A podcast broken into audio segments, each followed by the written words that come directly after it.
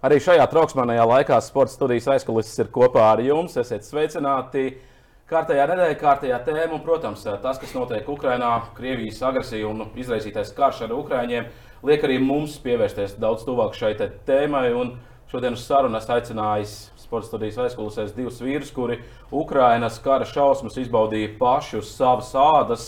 Protams, šis ir sporta podkāsts, tāpēc mēs intervējam un runājamies ar sportistiem. Un divi sportisti man blakus eh, ir Gatis Sprūks, eh, ar kuru es arī attālināti intervēju divas dienas šķiet, pirms eh, Krievijas iebrukuma, kur vēl viss bija mierīgi. Hokejs, kurš spēlēja Doņetskas Donbass komandā, Austrum Ukrainā, un florbola treneris Kaspars Maksīmovs, kurš atradās pretējā, Ukrainas, pretējā pusē, pretējā Ukrainas pusē. pašos rietumos, Ļuvivā. Tieši Ukraiņu tajā lielākajā rietumu pilsētā. Sveiki, vīri!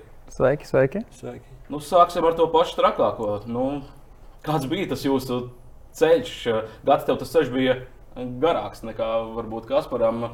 Tomēr visu Ukraiņu bija jāšķērso. Kurā datumā jūs izbraucāt, pieņēmāt uh, lēmumu? Jo pirms tam es ar tevi runāju, tu vēl biji tāds nosacīts mierīgs. Nu, jā, jau uh, pašam jau bija tās bažas, nu, ziņas lasot. Nu, vadība tomēr uh, nomierināja, pārliecināja, nu, ka viss būs kārtībā ar mums. Un, arī viņi Es domāju, viņi gaidīja, lasīja ja, kas ziņas, kas notiek. Un, uh, mums tieši bija diena iepriekš, pirms tā iebrukuma bija spēle. Un pēc tās spēles viņi mums jautāja visiem adreses, un tad jau nojauta, ka varētu būt kaut kas, ka komanda jau gatavojas tam. Bet laikam negaidīja, ka viss notiksies jau nākamajā naktī. Un tad mēs, jā, mēs gulējām, piecos no rīta pirmais sprādziens, visi pamostos.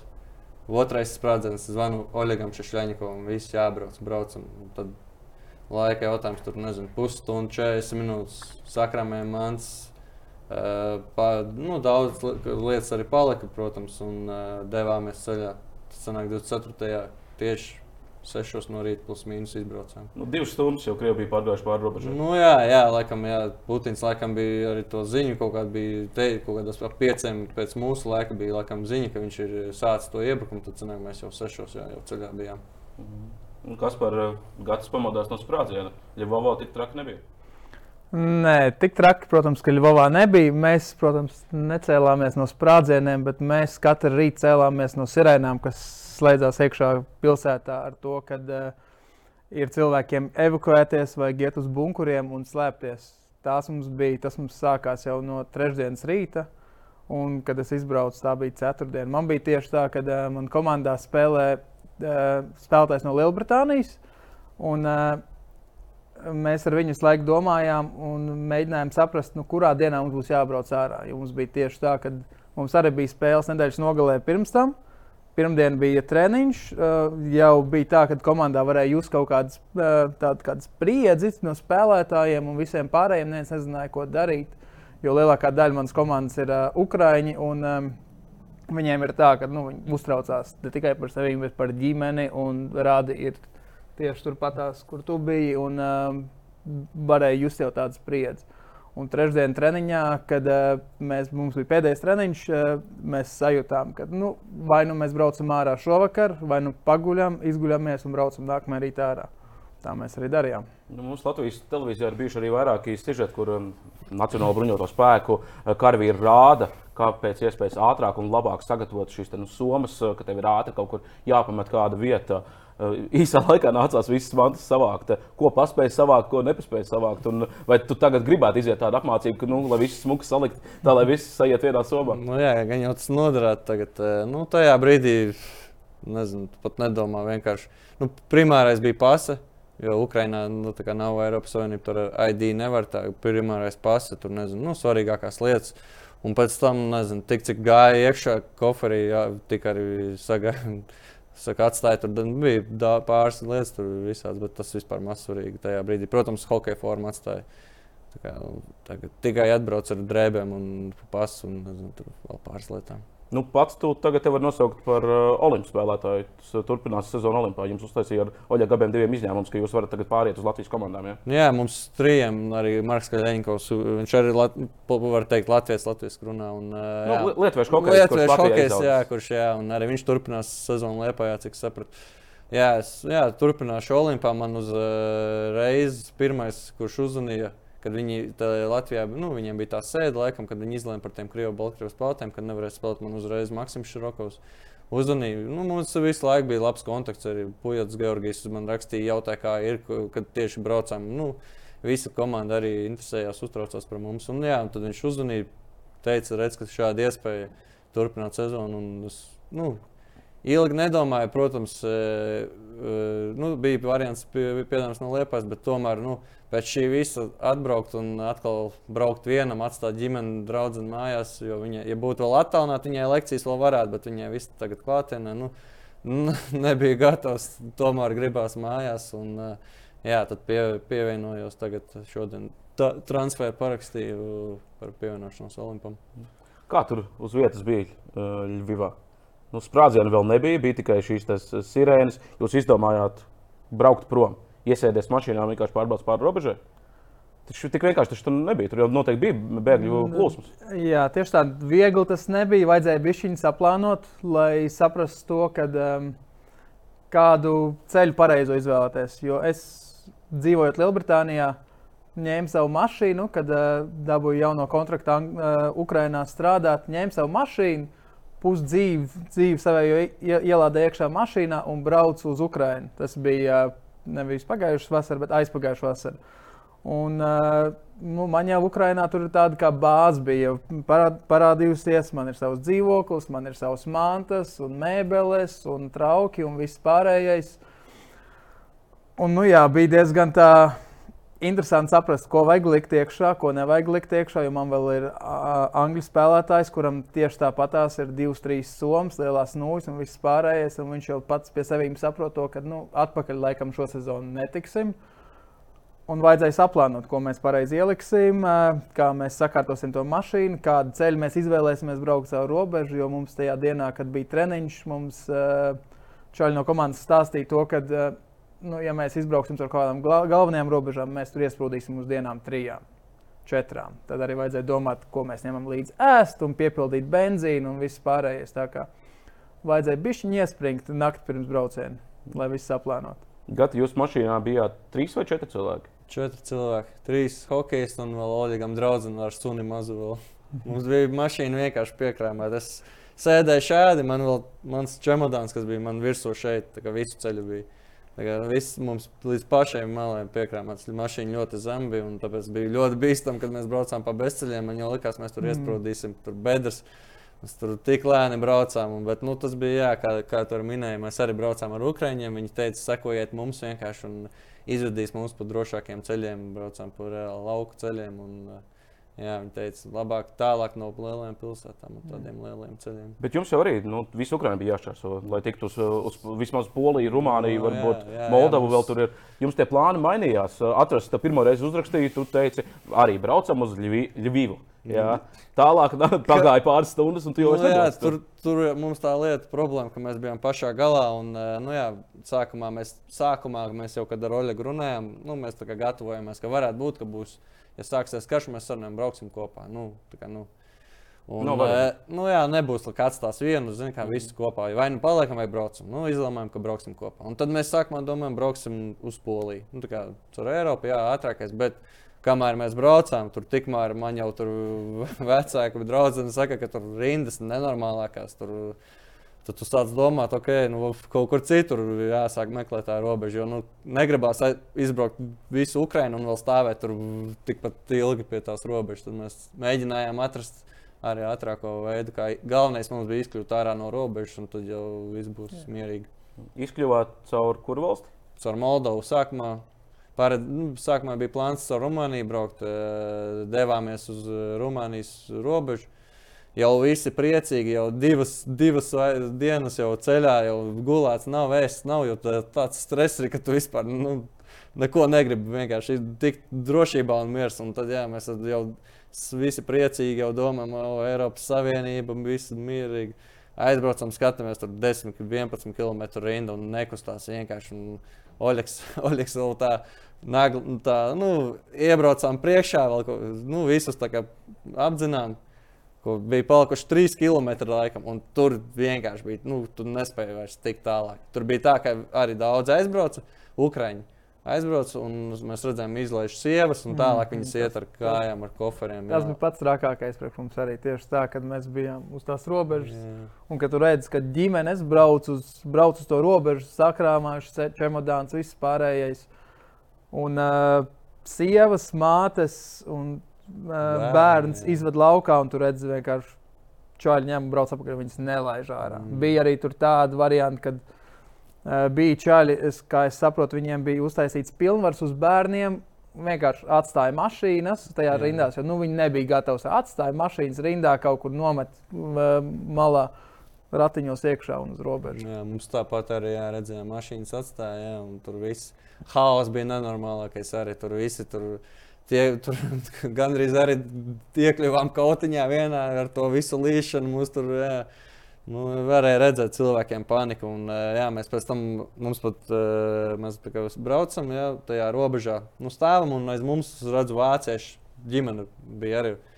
Un viņi var redzēt, ka nu, mums vēl bija tā, mēs vēl. Nu, Nu, arī bija jau viss tas uztraukums, jā, un, kā, nu, mēs, mēs tur runājam ar viņiem, un es skatos, viņiem vienkārši ir šoks. Kā, zin, zin, kā viņi laikam atbraukuši paceļot pukaini, un tad pēkšņi tā karš sāks.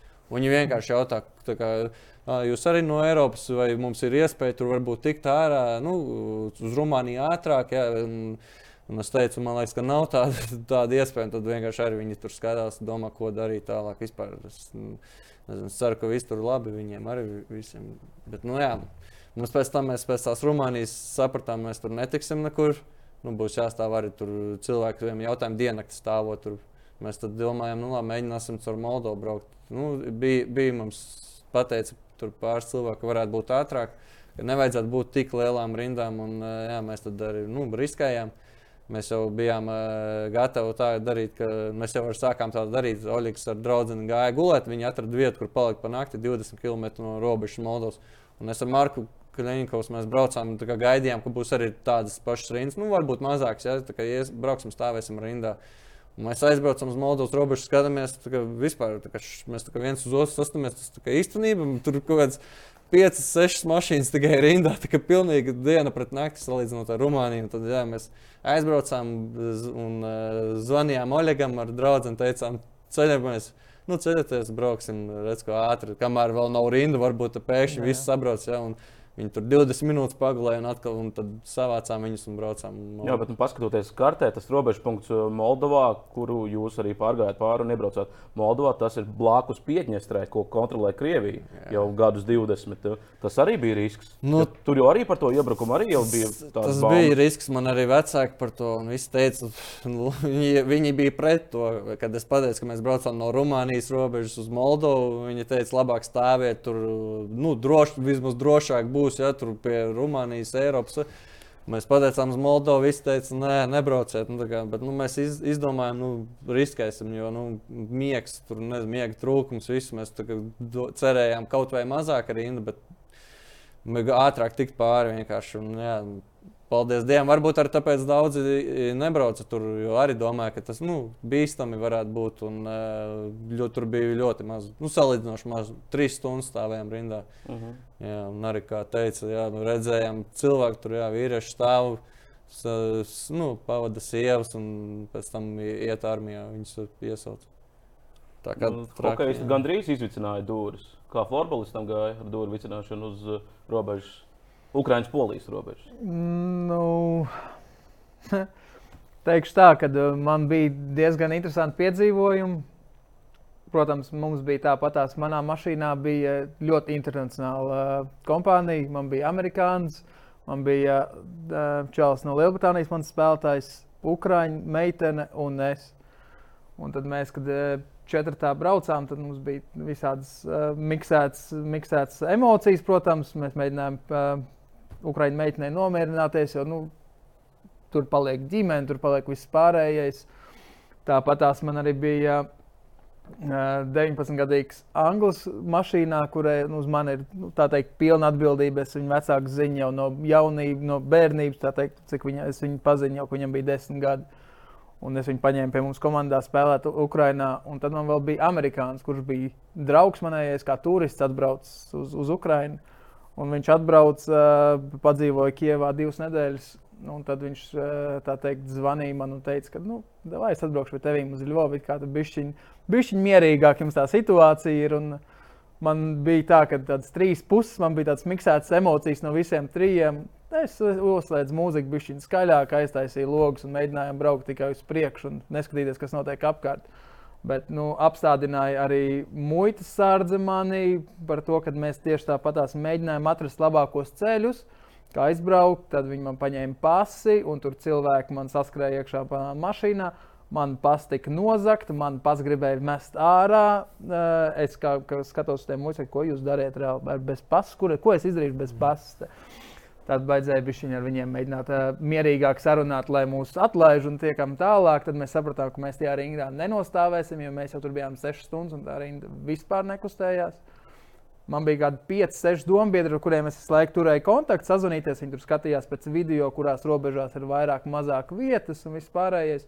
Apgriezām mašīnu un braucām atpakaļ. Kad mēs braucām atpakaļ uz Lvovu, tā rinda, kurā mēs sākumā stāvējām jau 6 stundas, es skatos to rindu, viņi ir trīs reizes lielāki jau. Trīs reizes lielāki. Un es skatos uz to rindu un es domāju, kur mēs braucam. Reāli. Mēs braucam pareizi, mums vajag vienkārši apstāties un te, tā, te vienkārši turēties un gaidīt. Reāli. Bet nu, izvēlējāmies mēs labāko risinājumu. Mēs atradām rītīgākos neceļus, izbraucām caur divām muitas zonām. Un man tā liekas, ka mums palīdzēja tas, ka mums bija amerikānis un uh, man ar otro spēlētāju ir arī Lielbritānijas pases, un mēs tikām caur uh, tām muitas zonām ļoti ātri. Un aizbraucām uz to pašu rindu, kur mēs stāvējām, bet mēs viņu vairāk nekā pusi nogriezām. Tīri tikai tāpēc, ka pa mazajiem celiņiem izbraucām. Pa mazajiem celiņiem izbraucām, jā, no otrās puses izbraucām. Un, um, un, jā, un kad mēs sapratām to, ka mēs esam nevis kaut kāds 8 km no robežas, kā bijām sākumā, un nevis kaut kāds 16 vai 20 km, kur mēs būsim sākuši atkal stāvēt, mēs bijām tikai kāds 2,5 km no robežas. Tad mēs uzelpojām, visi vienkārši atpūtās. Nolikām mašīnu turpatās, jo zinām, tā arī ne, nekustēsies. Pagulējām uz, uz pusotru stundu un turpinājām ceļu. Tas bija tāds pozitīvs beigās, tāds pozitīvs noskaņojums. Tas konflikts ar uh, robežu sargiem, kur atņēma tev pasi, tas bija vienīgais konflikts? Uh, mums, mums uh, nu, tur ļoti daudz vajadzēja sarunāt ar cilvēkiem uz tās robežas, jo nu, tā ir Ukraiņa. Es tur dzīvoju vairāk nekā pusotru gadu. Sapratu, kā, kā ar Ukrāņiem ir jārunā un kā viņi risina savas problēmas. Un cik, cik kukulī iedeva? Kukulī neiedeva neko. Ukraiņa man ir iemācījusi to, ka kukuļi nav jādod, ir jāmāk sarunāt. À. Jā, ir jāmāk sarunāt. Um, kukuli var katrs iedot, bet, nu, bet, nu, bet es tā teikšu to, ka. Uh, Visi ir cilvēki, visi saprot viens otru, un ja mēs, ja mēs varam ar mierīgu prātu visu aprunāt, tad ar viņiem viss ir sarunāts. Tādi paši cilvēki vien ir kā mēs, labdarīgi un, eh, un, un labi cilvēki. Mums bija viens brīdis, tāds, kad mēs eh, stāvējām rindā, un mēs vienkārši cilvēkiem, kas brauc atpakaļ, piemēram, vīri, kas ir aizveduši tur kādu Mēs viņus apstādinājām un vienkārši gribējām uzzināt informāciju, kas tur tālāk notiek. Un, uh, runājāmies ar viņiem un sapratām, ka uh, nu, mums nav ne ūdens, beid, mums ir beidzies ūdens, mums ir maz ko ir ēst. Un cilvēki to saprotot, viņi bija tik dāsni. Viņi deva ēdienu, deva ūdeni, prasīja, vai kaut kādīgi vajag palīdzēt. Kā, nu, tas bija ļoti pozitīvi. Redzēju, vis, nu, ir tā uz robežas, bija tā panika. Cilvēkiem bija nu, kara situācija. Protams, ka tev būs kaut kāda panika, tu savus. Uh, savas emocijas var nenoturēt. Bet tajā pašā laikā cilvēks saprata, ka nu, viņi nav vieni tādi. Vien tādi. Visiem, visi mēs esam tajā pašā situācijā, un ka, nu, esot būdams labs cilvēks, viens otram palīdzēs. Nu, Kara jau pirmajā dienā Ukrāņi ieviesa arī komandantu stundu. Jūs bijāt ceļā no Kramatorskas uz Moldovu, ja beigās jūs nedrīkstējāt braukt.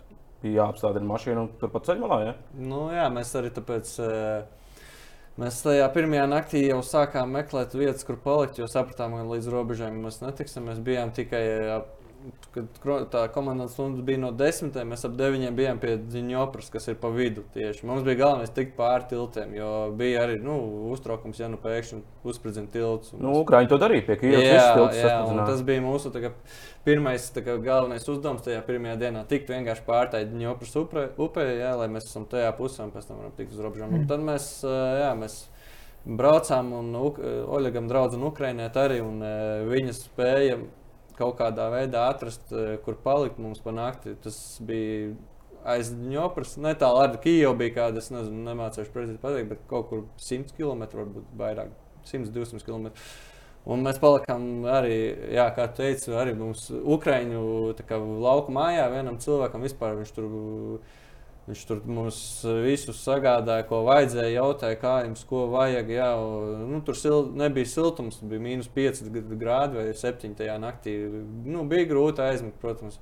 Bet, jā, viņš tur te, mēs tur viņam beigās nu, iedavām vēl naudu par kaut ko. Nu, viņš teica, nē, nē, nevajag vispār tur. Jā, tur vēl piedāvāja, kā tur ko palīdzēt. Jā, un, jā to naktī īsti negulējām, jo zinājām, ka tajā naktī Kijava bombardēs un mēs bijām. 100, nu, nezinu, 200 km. Mēs bijām Ukraiņas vidū un Kijava mazliet augstāk. Un, jā, un tā grūti aizmigt bija dzirdama, lidmašīnas arī lido Cik, cik bieži bija lidmašīnas pāri jūsu galvā? Nu, es, es, eh, es dzirdēju trīs lidmašīnas. Arī Oļega draudzene, viņa teica, arī kaut kādas trīs, četras dzirdēju. Nu, dzirdējām, ka viņas tieši aizlido. Un, nu, jā, tāpēc, nu, tā, nu, to naktī īstenībā nu, negulēju. Varbūt tur aizvēra acis, jā, bet tāds nu, kāds dziļais miegs to tur nesanāca. Un, nu, jā, pārnakšņojām to naktī un eh, devāmies uzreiz, kā komandants stundas sešos beidzās, laikam mēs uzreiz tur sešos arī devāmies tālāk. Un, eh, bet nu, nākamajā, nā, nākamajā naktī mēs nepalikām, jo pa nakti mēs uzreiz teicām, brauksim vienkārši līdz galam, līdz robežai, tiksim kaut kā uz robežu. Jo man arī eh, zvanīja no Latvijas konsulārs, kas bija Ukraiņā. Es toreiz pieredzējos, ka viņi aicināja visus latviešus pamest Ukraiņu. Viņi teica, jūs varat pierakstēties tajā reģistrā, un es tur pierakstēju savu numuru, atstāju visu. Viņi zvanīja tajā nākamajā dienā, un tad jā, es teicu, Kā ir, piemēram, ja ir komandas stunda, ko darīt. Viņi saka, nedomā par to, brauc vienkārši brauciet tālāk. Un, tieciet līdz robežām. Nu jā, Mēs no, arī, jā. otrajā naktī tā arī darījām. Tā arī darījām, braucām līdz galam. Mēs 26 stundas no vietas braucām, vai pat vairāk. Mēs 6 no rīta izbraucām un mēs tikām uh, Rumānijā. Mēs bijām ap 8. Nē, nu jā, ap 8 rītā. Laikam. Moldovu mēs šķērsojām ap 6 rītā. Tad, jā, tālāk līdz Rumānijai un vēl tur Rumānijā, kamēr atradām. Tā kā nebijām gulējuši vispār. Kas bija šausmīgākais, ko jūs redzējāt, kamēr bijāt Ukrajinā? Tajā situācijā, kā situācijā? Nu, jā, kā situācijā. Pilsētās vai? Vienkārši, kas tas vairāk iespējas atmiņā? Iespējams, atmiņā es varu pateikt no savējām. Nu, neteikšu tā, ka mums bija diena un nakts. Uh, Tā situācija, jo nu, tur, kur tu biji, es saprotu, tur bija bišķiņ trakāk. Tur, kur es biju Ļuvovā, vēl līdz šam brīd, šajam brīdim nekas tur nav noticis. Tur ir viss ir kārtībā, viss notiek. Vienīgais ir tās sirēnas, un cilvēkiem ir panika. Bet, kad es braucu ārā un es braucu savākt cilvēks, kas brauc maniem līdzā, es sapratu to, ka tā pilsēta Ļuvova pat vienkārši krāsa mainās no visas Ukrainas. Tu nezini, kas tur brauc iekšā, tur uh, autoostā un dzelzceļa stacijā. Nu, tur bija pilnīgs hauss. Pilnīgs hauss. Visas nacionālitātes, kādas tu vari tik vien iedomāties, no Kievas, no Dņepras, no Melitopļas, no, nu, no pilnas visas Ukrainas, viņi ir atbraukuši tagad uz turieni. Ja pilsētā bija pāri miljonam cilvēku, nu, es domāju, ka tur ir tagad nu, krāsa viss kāpjas. Un, uh, diezgan, diezgan bailīgi tur bija palikt. Ja es teikšu tikai no tā situācijas, nevis no kara. Mm. Jūs pa ceļam? Nu, mums jau laikam jau tas, ka sākumā jau tie sprādzieni to pilsētā ir. Un, tā, jā, nesaprotu, sākumā tā ir realitāte vai kas tas sapnis kaut kāds. Un, Jā, tie sprādzieni, pēc tam redzat, ka cilvēki visi pastos pa logu, vienkārši cilvēki no dzīvokļiem mūka ārā. Tā kā pat bez mantām tas bija tāds wow. Nu, mm traki, traki ļoti. Nu, jā, mums arī.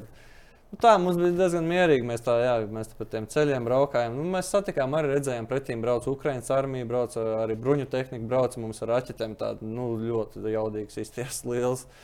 Un, nu, jā, bet tādā ziņā nu, nekas tāds. Tāds baigi, tāds nebija traks. Mums nu, paspējāt izbeigt. Paspējāt, nu, mēs saulēcīgi braucām ar uzreiz.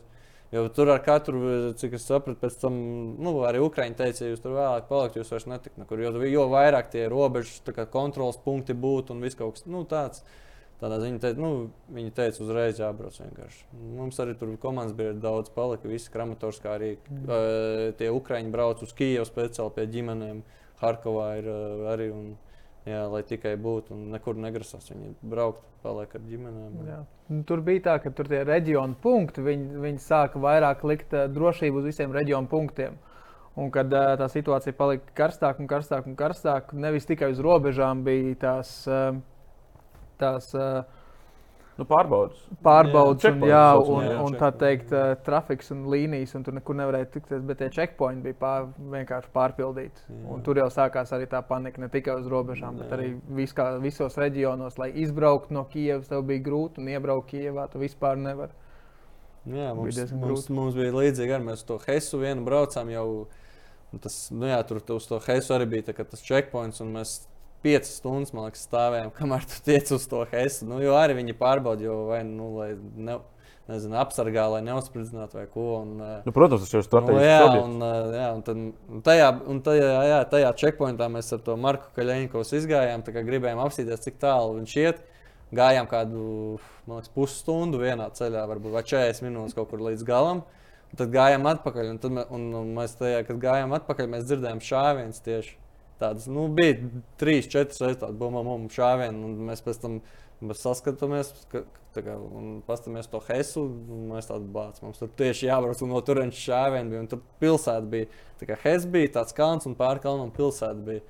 Nu, iespējams, tur kaut kas bija. Un mēs arī, kad braucām, tikām caur tam checkpointam, mēs caur to pilsētu braucām. Bet, nu, mēs bra- braucām pa pašu malu pilsētu, bet skaties, pilsētā gaismas nav vispār. Gaismas nebija tā kā izslēgtas. Tā kā, nu, tas bija tā, tad bija mazliet augsts skaisti, un mēs dzirdējām tos šāvienus, un tu saproti, ka tev tieši tur jādodas, jā, bet nu, viss veiksmīgi, paldies Dievam. Nekas, nekas Komandas biedri, Ukrāņi, florbolisti, hokeisti ir iestājušies armijā, ir iestājušies zemesardzē. Ukrāņi.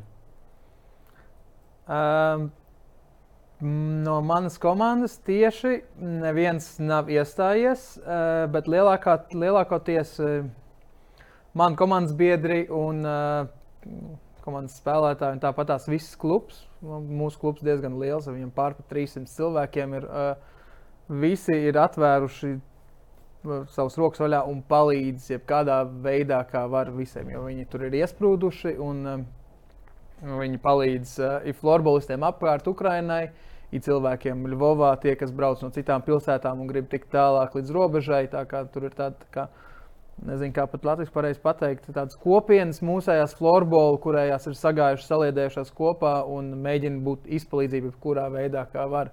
Jo nu, mums ir komanda, komandas ir Kijevā, komandas ir Militopļā, kur Mel- Melitopoļu uh, pilsēta tiks apbombardēta kā viena no pirmajām. Jā, jā, jā. jā. Un uh, mūsējie florbolisti, kas ir tur, tie daži ir armijā. Un kā mēs pārdzīvojam par viņiem, un tur jau ir ievainotie. Un, uh, un jā, mēģinām palīdzēt jebkā, kā varam. Hokeisti ir gatavi ņemt ieročus rokās. Nu, es- pag- pagaidām vēl nav viņiem vajadzība tāda, bet es domāju, ka viņi būtu arī gatavi. Cik esmu runājis tā ar tiem ukrāņiem. Nu, ļoti patriotiski tāda valsts, un uh, viņi ir gatavi aizsargāt par katru centimetru savas valsts. Un mums arī bija mūsu komandas masieris. Viņš bija pirmajās trīs dienās, viņš arī bija kā, kā metpersonāls. Viņš bija tajā frontes līnijā, tur arī, bet viņš teica, ka viņš nu, psiholoģiski nevar. Viņš beigās at, nu, atteicās. Laikam, Kaut kādā veidā nokļuva pie viņam ģimenes Doņetskā. Bija laikam, viņš tad, nu, teicis, ne, nu, ka viņš nevar. Viņš pie ģimenes aizbrauca Doņetskā vienkārši pie vecākiem. Bet tā mums komandas biedri, jā, viss mājās. Nu, vadība arī teica, labāk, tomēr nu, drošāk. Nu, tagad vēl nevajag nekur sēžat mājās un viss. Kādas ir tās Ukraiņas atšķirības? Austrumos runā krieviski. Kramatorskā, kur jūs bāzējāties, jā, un Doņetskā un Luganskā nerunāsim. Jā, arī principā tikai krievu valoda tur ir dzirdama. Ļuvivā ukrāņu valoda. Tu pats esi atnācis arī Ukrāņu nacionālajā tērpā, teiksim, tā tautas tērpā. Nu, jūs arī, ka braucat spēlēt, taču arī uz uh, Lvivu jūs braucat spēlēt. Tur Uz var jūs. Uz Kijevu, jā. Uz uz to pusi, jā, jā, un, un, un tur ir tās kultūras atšķirības lielas starp austrumu Ukrajinu un rietumu Ukrajinu. Nu, es e, neteiktu, ka viņas ir diezgan lielas. Varbūt tās, jā, vot, tur, kur es dzīvoju, viņi ir bijuši vairāk patriotiski par savām tradīcijām. Un turpat tās ir Karpati un Ukrāņu Zakarpācija, kas ir zemāk U- Ukrainā. Un tur, protams, tās tradīcijas un Ukraiņa tā, tā kultūra ir ļoti, ļoti, ļoti jūtama. Kad mēs braucām ar komandu, piemēram, uz Kijevu vai Melitopoļu, vēl, vēl tur kaut kur uz to pusi tālāk, bija tādi juši, jā, ka nu, tur neviens vairāk nerunā ukraiņiski, un maniem čaļiem arī viņiem pat uh, komandai, jo man lielākā daļa ir ukraiņu, viņiem gribējās pārslēgties uz krievu valodu. Jo viņi nejūtās diezgan komfortabli būt, būdami tur, runāt ukraiņiski bija, bija jūtams tāds, tāds, tāds bišķiņ savādāks pārmaiņas kā, spēlētājiem un visiem pārējiem. Tās komandas, kas tur ir, arī viņi runā tikai, tikai krieviski lielākā daļa. Un, bet, nu, teikšu, ka varbūt tās uh, uh, cilvēki, kas dzīvo Ļuvovā, viņi laikam ir bijuši patriotiskāki par savējo un pieturās visādām vērtībām vairāk nekā. Austrumukrāņi mazāk patriotiski? Nu, tur varēja just, jā, tā Krievija ietekme ir lielāka pilsētā, viss krieviski. Nu, visur saziņa tikai krieviski. Un, uh, es neteiktu, ka viņi nav patriotiski, bet uh, nu, tur ir arī ukrāņi, protams. Bet, uh, Salīdzinot, kā mēs aizbraucām uz Kijevu, mēs ar Jānu bijām Kijevā. Tur, piemēram, mēs pat metro nespējām runāt krieviski. Mums ukrāņiski atbildēja. Un, cik es pēc tam parunāju, jā, ka nu, viņiem tas tā kā ka tāds laikam uzstādījums, ka jā, tur tajā visu ukraiņiski mēģina. Jā, viņi pamazām, pamazām mēģina jau uz to ukraiņu valodu arī pāriet. Tas jau nav ilgi. Es pats biju 2000. 15. gadā, manuprāt, Kijavā, un es tur arī vairāk dzirdēju krievu valodu. Un arī krieviski pats runājos, viss notika krievu valodā. Tas, manuprāt, ir no jau 14. gada, no tā pirmā Krievijas Tieši iebrukuma. Jā, jā. Un uh, paši krievi ar to incenējot to iebrukumu un savācot Krīmu, viņi cēla Ukrāņu patriotismu. Tā ir. Jā. Es, es varētu piekrist tam. Jā, jā, tur... Es, nu, cik parunāju ar komandas biedriem, viņi teica, pat pirms tam bija vairāk krieviski. Tā kā, nu, bija tā ukrāņu valoda Ukrainā, bet nu, nebija kā tagad. Tagad tiešām viņi nu, jā, mēģina, mēģina viņi jau uz to ukrāņu valodu, jā, visur vairāk, un jā, mēģina jā, to valodu pacelt. Lai, jo pirms tam vairāk bija krieviski visur. Nu, mūsu arī pilsētā ir. Viss pārsvarā bija krieviski, ja? bet nu, bija šādi, tad tu tur dzirdi to ukrāņu valodu, bija, bet viņi ļoti maz. Nu, nevar salīdzināt ar jā, viņu pu, to, to pusi, kur Ļuvovu, Kijevu. Ja? Bet, nu. Tieši tā jūs jau varat redzēt, man patriotismu man jau ir pie, piesaistījuši pie viņa kultūras. Tā es arī uz spēlēm biju gājis un uh, visādiem pasākumiem. Un diezgan patīkami, kad jūtams, viņiem ir jūtams savējais, viņi pieturās pie savām tradīcijām diezgan, uh, diezgan pārliecināti ir, ir uh, gatavi stāvēt par savējo valsti. Nu, cik es arī pats esmu interesējies šobrīd par šo karu, tad uh, arī Ukrāņu armijā īstenībā caur teiksim, sakariem viņi sazinoties krieviski. Tieši tā, nu, lai, lai, lai būtu mazāk pārpratumi. Jo Ukrāņus krieviski saprot, jā. Jā, bet teiksim, no austrumu Ukrāņas, ja viņam ir dzimtā krievu valoda, no, tad viņš ukrāņiski no, nu, jā, jā, tā varētu būt. Viņiem jā, tur, tur vairāk, jā, mūsu pusē viss pārsvarā ir krieviski. Jā. Es domāju, un tā valoda ir. Es, Man liekas, viņi ir nu, līdzīgi, bet eh, cik es tur parunāju ar ukrāņiem, krieviem, viņi saka, pilnīgi savādāk. Kā, nu, es, es, kad klausos, es tur varbūt tā neiedziļinājos. Man liekas, tur jā, nu, ir savādāk, bet nu, man liekas, ka viņi saprot. Piemēram, ja ukrāņš runā tā krieviski, tur ukra, nu, ukrāņu valodā, man liekas, saprast, bet viņi saka, nē, vispār nevar saprast. Tā valoda ir viņiem spēc, nu, savādāk, specifiskāk. Jūs uh, esat kontaktējušies taču, ar tiem komandas biedriem. Kāds ir tas noskaņojums? Uh, šo drausmīgo karu vispār var beigt? Kad tas beigsies? Hmm. Well, cerība viņiem nav ne, nemirst. To es teikšu pats no savējās, un uh, ar viņu, ar savu patriotismu, es domāju, nekad neapstāsies. Tāpatās kā nu, armija un tāpatās kā visi brīvprātīgie, viņi dara visu iespējamo, lai palīdzētu viens otram un lai pēc manām pēc manas saprašanas, nu, viņi nav gatavi atkāpties un viņi ir gatavi turēties par savējo, kā vismaz, ko es redzu Ukrajinā, Ļuvovā. Uh, visi ir ļoti saliedēti, visi turās kopā, visi palīdz viens otram. Savas lietas, tās, kas ir nu, mājas lietas, visi ir atstājuši otrajā plānā. Viņi visu savu uzmanību un uh, fokusu liek tikai, lai būtu kaut kādā veidā liederīgs vai valstī tagad. Jā. Tā, kā, nu, tā ir mana atbilde. Nu, es piekrītu, jā, viņi ļoti tik patriotiska valsts, ka nu, viņi tiešām viņi nebūs tie, kas tur laidīs iekšā, teiks, jā, nu, tur viņi cīnīsies. Un, man liekas, šis, šis viss ir tieši vairāk viņus kā, savienojis kopā arī Ukraiņu, krie, Ukraiņu krievus un visus kā, nu, var redzēt, ka viņi, viņi cīnās par, kā, tiešām par savu neatkarību un arī, jā, arī par visu mūsu Eiropas. Es laikam jā, arī piebildīšu to, ka uh, šajā situācijā nav tikai Ukraiņu tauta. Mēs tāpatās, kad izbraucām caur robežu, es sastapos ar tik tādām ļoti siltām emocijām Varšavā, kad es uh, biju izvedis pāris cilvēkus uh, no Ukraiņas, aizvedu viņus uz turieni, savācu cits cilvēks no Krakaus, veda tālāk uz Varšavu un redzēju to, ka Polija nāk pretīm visiem uh, iebraucējiem no Ukrainas. Un katrā, katrā checkpointā, kas ir vai no autos, auto, autostāv, nevis stāvvietas, bet autobusu stāvvietas, pieturs, pieturs, jā, jā, jā, pieturs. un uh, dzelzceļa stacijas. Visās infrastruktūra ir izstrādāta tā, ka jebkurš, kuram vajag palīdzību, neats, neat, nebūs viens pats un nebūs tā, ka viņš būs atstāts uz ielas. Un, uh, braucot cauri Polijai, braucot cauri Lietuvai, uh, izbraukājos tagad cauri Latviju. Liels liels prieks un gandarījums, kad viss stāv. Kuldīgi bija pilnīgi skaisti izrotāti karogos, liepāja pilnīgi tāpatās. Iebraucot Rīgā, tu sajūti to pašu to li, saliedētību. Salie, Saliedētību. Saliedētību, jā. Un, nu, es Es teiktu, tā, ka uh, bija labs uh, raksts, ko es vakar redzēju Instagram, to, ka uh, Anonymous ir uzlauzis uh, Krievijas televīziju un internetu un parādīja īstos faktus, kas notiek uh, Ukrajinā arī Krievu tautai. Un, nu, no tā var saprast, ka neviens neatstāja Ukraiņus viens pašs un viss mēģina palīdzēt. Kā vien, var, kā vien iespējams. Gati, jums komandā bija Krievijas krievi vairāki. Lūk, lūk, šī arī ir tēma. Viņi vispār, Krievijas krievi, zina, kas tur īstenībā tajā Ukrajinā notiek, vai nezina? Mūsu komandas biedri. Jā. Nu, viņi tur pašlaik arī ir. Kramatorskā vēl pārstāvja. Nu, bet, bet teiksim, tas vidējais krievs. À, nu, Jūs nu, viņiem vidējais, kri... nu, viņi, jā, nē, mums komandā, jā, mums komandā visi saprot. Nu, viņi ir paceļojuši to, ar to hokeju, ja viņi ir paceļojuši valstis. Viņi, nu, man liekas, tiem, tā, tiem Krievijas krieviem viņiem tā problēma, ka viņi ir tikai Krievijā bijuši viņi skatās mm. tikai vienas ziņas. Ja.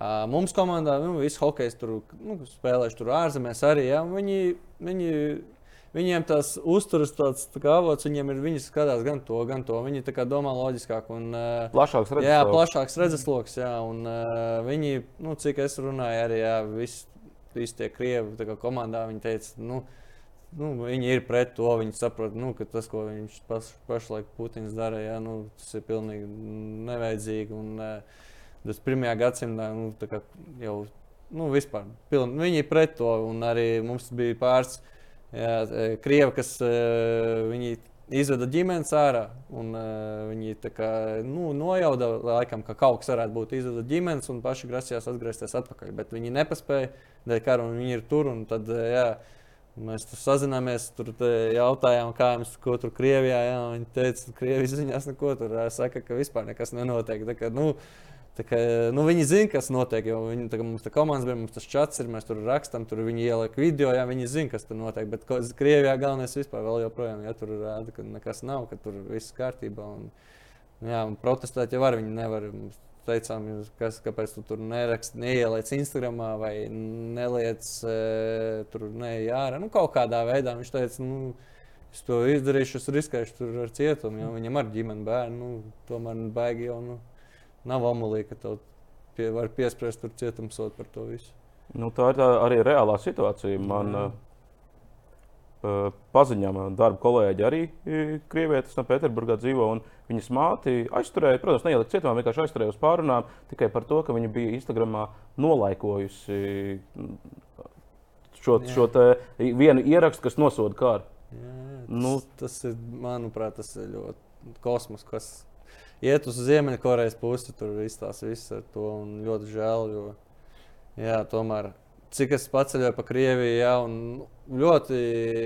Ļoti labsirdīgi cilvēki, godīgi sakot, Krievijā. Man es, es nu, MHL, kad bija, jā, mēs tur ceļojām pa Krieviju spēlēm. Nu, Hakā Rīgā, jā. Jā, Hakā Rīgā, un vienmēr likās, Krievija, ja tur, nu, Visu laiku jābaidās, Nu, jā. jā, tā zini, bet tu aizbrauc un pilnīgi man bija pretēji tie cilvēki. Tiešām nu, par, nu, ļoti labsirdīgi. Un, tāpēc ļoti žēl, ka, ka tur viss, kas tur notiek tajā ar Krievijā, tagad, ka tur to vārdu brīvību tev, nu, liedz. Un, jā. Cerams, cerams jau, ka nu, arī viņiem pašiem tur viss būs tādā ziņā labi, jo tu nevari zināt, ko, viņš, ko tas galvenais tur izdomās viņiem. Tieši tā, Krievu tauta, Krievu tauta ir viena no manām mīļākajām tautām, kurās es esmu ceļojis. Bijis esmu Kaļiņģeradā, Maskavā, Rostovā, Sočos, eh, bijis pat tādā vietā kā Taganrogā. Esmu. Nu, tos cilvēkus nevar, nevar vispār nosodīt ar eh, tikai labus vārdus, var teikt, eh, par tautu kā tādu. Un, jā, nu, tieši, tieši, tieši tā, man ļoti liels žēl ir. Liepājā es arī redzēju, būdams šonadēļ, tur ir dažas mašīnas ar krievu numuriem. Un nabaga cilvēki, viņi, nu, viņi nezina, ko darīt. Viņi ir aizlīmējuši numurus, lai neredzētu, ka krievi. Un tas- Pašiem kauns paliek. Nu, Nu, savas ne- valsts dar darbību. Neteikšu to, ka viņiem ir kauns, bet es domāju, ka viņi vienkārši uztraucās par savu drošību. Saprotu, un tā situācija man arī nu, diezgan, diezgan nu, nepatīk, kad, nu, kad cilvēki ņem un uh, skatās uz cilvēkiem no tā, no kurienes tu esi. Nu, tas cilvēks jau nav, vai, nav vainīgs, kad viņš ir krievs vai tauta vai vēl neskas. Jo Nu, bet caur šiem uh, krieviem, kuri ir redzējuši pasauli, arī, manuprāt, tas ir tas variants, kā mēs varam arī šo te apstādināt. Tagad jau pēdējās dienās no arvien plašāk, plašāk tie protesti ir arī Maskavā, Maskavā, Pēterburgā un citās pilsētās. Jā, tie, manuprāt, arī ir tie cilvēki, kas nu, ir kaut cik jā, vai seko tam ziņām. Nu, skatās nevis vienu jā, ziņu, bet nu, viņiem ir tas, jā, tā, tas lokus, ko viņi māca analizēt. māca analizēt, jā, un arī viņi tāpēc iet un protestē. Tas jau jā. Labi, labi, ka vispār tāds notiek kaut kas tā kā maza sniega bumba. Pamazām, pamazām cerams, ka tā jā, paša krievu tauta arī nu, sapratīs, ka nu, kaut kas jādara lietas labā. Vīri, jūsu sporta veidi. Um, Ukraina galīgi nav labākā hokeja. Ukraina galīgi nav bagātākā valsts uh, pasaulē. Uh, Florbolā precīzi tie paši vārdi. Arī galīgi nav labākie florbolisti, ja? Uh, galīgi nav bagātākā valsts pasaulē. Kāpēc jūs nonācāt Ukrajinā un kāpēc vispār parakstījāt līgumus un piekritāt uh, tur būt? Nu, uh, man bija tā, ka uh, Kas par tu pirms tam Anglijā dzīvoja? 8 gadus vai 10 jau dzīvoja? 12. 12 jau gadi. Tev ir 12. Anglijā, tu pat biji U-19 uh, Lielbritānijas izlases treneris. Tiešām Ukrāņi piedāvāja labāku naudu nekā Briti. Uh, nē, teikšu, teikšu, teik, teikšu otrādi. Naudas ziņā es neaizbraucu pelnīt uh, lielu naudu Ukrajinā un nedomāju, ka tas man būs kaut kāds karjeras kāpums uh, nākotnē. Braucu uz Ukrajinu tikai tāpēc, ka uh, man jau no pašas bērnības ir bijuši ļoti labi treneri, kuri man ir mācījuši to, ka uh, dodot, tu dabūji apakaļ daudzreiz vairāk. Un, uh, kad Anglijā sākās visas problēmas ar, ar, ar, ar vīrusu un vēl Covid-19 kas- jā, jā, jā. tieši tā. Es strādāju lielākoties strādāju kā fiziskās sagatavotības treneris. Un, uh, lai jūs saprastu to, ka uh, būdams tur Anglijā, man, mans viss darbs aizslēdzās. Viss pārgāja uz online. Visi mani klienti, komandas vēl vispārējais, ko es darīju, nu, es varēju darīt to no jebkuras vietas pasaulē. Anglijā es dzīvoju pie pašas jūras, un mans darbdiena bija tāda, ka es no rīta pieceļos, aizēju uz jūrmālu, nolieku savu plediņu, ieslēdzu kameru un trenēju cilvēkus. Un, uh, Pienāca man tāds piedāvājums no Ukrainas. Ukraiņa man ļoti patīk, ka tur esmu bijis pāris reizes, un cilvēki man patīk, un draugi man tur ir. Un sapratu to, kāpēc nepamēģināt.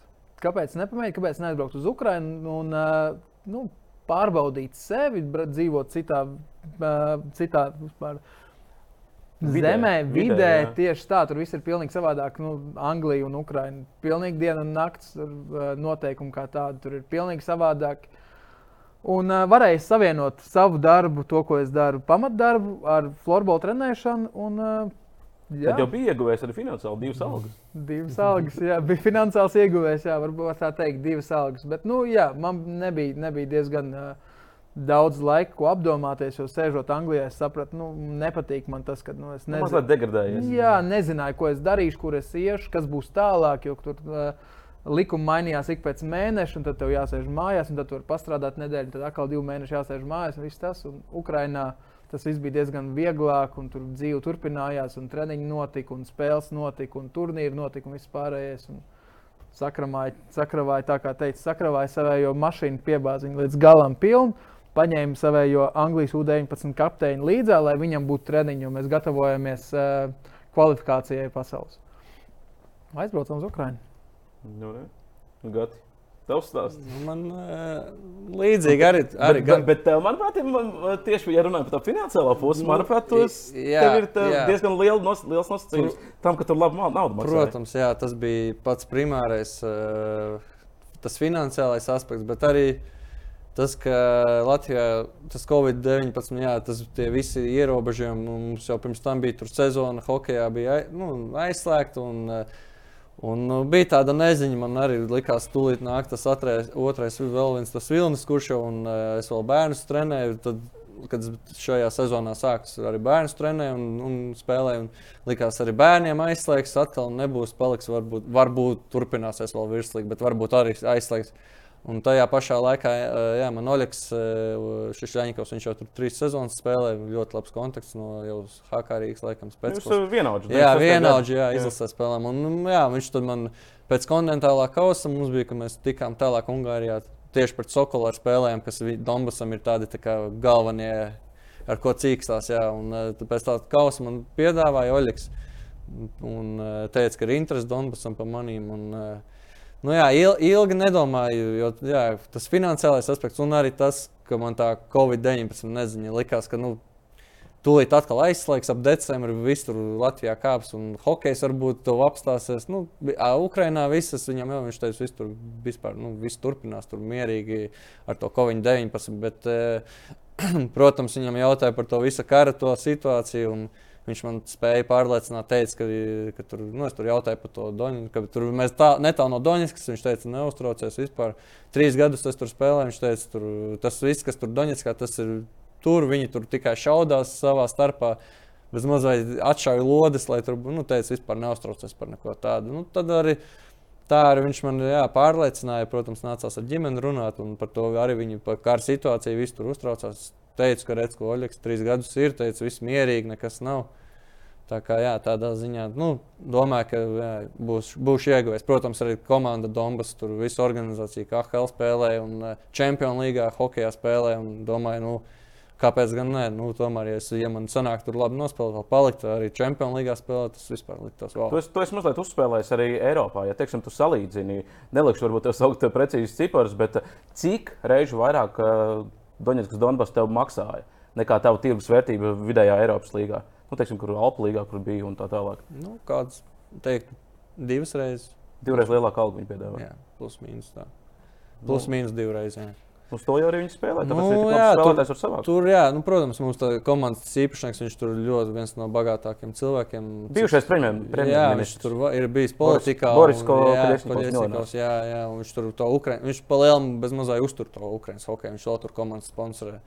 Un viņš nenormālākās naudas grūž iekšā tur, un e, nauda tur ir, jā. Un, tāpēc, tāpēc viņi spēja, jā, tur ļoti daudz krievu hokeja, man liekas, kas visi krievi bija. Es varbūt, man liekas, varbūt viens, divi tikai nespēlēja KHL no tiem visiem krieviem. Visi KHL spēlēja arī Andrejs Makārovs Vārtseks, kas Dinamo bija. Tā kā tur, tur tas līmenis arī ir, nu, tā komandai ir ļoti labs. Un, uh, Likās arī, nu, kā, kā arī personīgajā izaugsmē, domāju, arī varēšu attīstīties, kļūt labāk, tomēr spēlēt tādā augstā līmeņa komandā. Un, un arī viss treniņa process tur pilnīgi savādāk. Nu, tiešām kā profesionāla komanda bija. Un, jā, tā kā bija, bija, bija ļoti patīkami. Man tur žēl, žēl, ka tikai viss tā pēkšņi beidzās. Bet nu, gal galā vienalga tu esi ieguvējis. Nu, jā, jā, protams. Tomēr tā pieredze arī viss. Un, eh, jā, arī draugi, visu ukrāņu tautu apstīties. Man ļoti labs kontakts ar ukrāņiem. Un, eh, Visu laiku mēs sarakstāmies jā, un uzturam kontaktu cieši. Tādā ziņā ļoti, ļoti patīkami bija jā, tur atrasties. Iemācījies Kirillīcā rakstīt uz telefona, vai tu ar latīņu burtiem? Es uh, Oļegam devu rakstīt. es, man ar to valodu krievi ir tā, kā ir saprast, saprot. Runāt, nu tā paša, ka bija momenti, kad tur treneris spēles laikā pasaka, Oļegam krieviski un Oļegs man latviski. Jo, nu, bija tā, nu, bet uh, es domāju, es domāju, ka bija man labāk kopš es ierados novembrī sākumā. Nu, es domāju, maziņš progress bija man valodā. Es tā gribu ticēt sev. Kas par to? Mākslinieks rakstīt Kirillīcā vai, vai ar ukrāņu burtiem, kur Ā, arī pārsvarā Kirillīcas burti, bet ar pāris tādiem izņēmumiem. Nu, jā, nu man komandā, man komandā viss ir ukrāņi. Viņi man arī iemācīja ukrāņu valodā arī runāt. Un, uh, bija tā, ka mēs mēģinājām mācīties vismaz bišķiņu ukrāņu valodu. Un, uh, Anglis, kas bija komandā, tas pilnīgi gāja uz kursiem divas, trīs reizes nedēļā, lai mācītos ukrāņu. Pašam bija interesanti. Uh, bet nu, man bija tā, ka uh, komandai man bija noteikumi, ka viņ, viņiem treniņu, pustreniņu process notika angliski. Jo, nu, pats esmu dzīvojis lielāko daļu Anglijā, un es gribēju kaut ko viņiem vēl vairāk dot. Es viņiem arī mācīju angļuiski, un čat mums bija angļu valodā. Un, un, vairāk viņi tevi pieņēma, ka, ka tu vairāk viņiem iemācījies tieši nu, pasaules valodu, kas ir jā, angļu valoda. Tieši tā, jā, jā. lai kaut kas, lai būtu progress, lai būtu interesanti. Un, zin, kā, zin, kā, tu, Krievu valoda, man pašam no krievu nu, uzvārds man jau ir krievu, un liepājās dzīvoju jau visu savu mūžu, un man sētā lielākā daļa bija krievu. Tā kā man krievu valoda bija diezgan viegli ap, teikt, pāriet uz, no angļu uz krievu valodas. Tagad man vajag uh, latviešu valodu bišķi apkopot, jo to es tik ilgi neesmu izmantojis. Kas par tu 12 gadus jau Anglijā uh, dzīvo? Tas uh, brītu spēlētājs arī uh, šobrīd jau ir Anglijā. Ja? Mm -hmm. ja? Kā, kāpēc tu esi Latvijā? Tev bija vispār plānots, un kāpēc tu neaizbrauc līdzi britu spēlētājiem? Nē. Nu, Principā, kas jau tagad ir tavs mājas?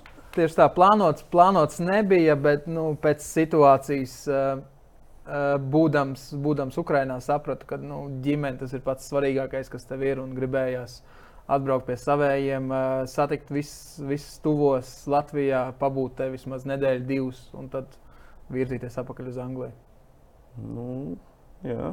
Ģimene ir pats svarīgākais. Tieši tā, jā, jā. Un tu saprotot to, ka biju, biju tur un uh, redzot, kā visi pārdzīvo par saviem, jo Ukrainā viņi visi ir izmētāti. Kāds dzīvo vienā pusē, cits dzīvo tur. Un, uh, FaceTime un viss pārējais sazinoties ar saviem un redzot to, ka nu, tu ļoti gribi palīdzēt, bet tu nevari palīdzēt, jo tu esi distancē. Nu, man liekas, saprast to, ka to, ko es biju atstājis visu laiku uz gadu vai pusotru, neatbraucot atpakaļ, satiekot savējos, man tas pilnīgi pie sirds tuvu pienāca.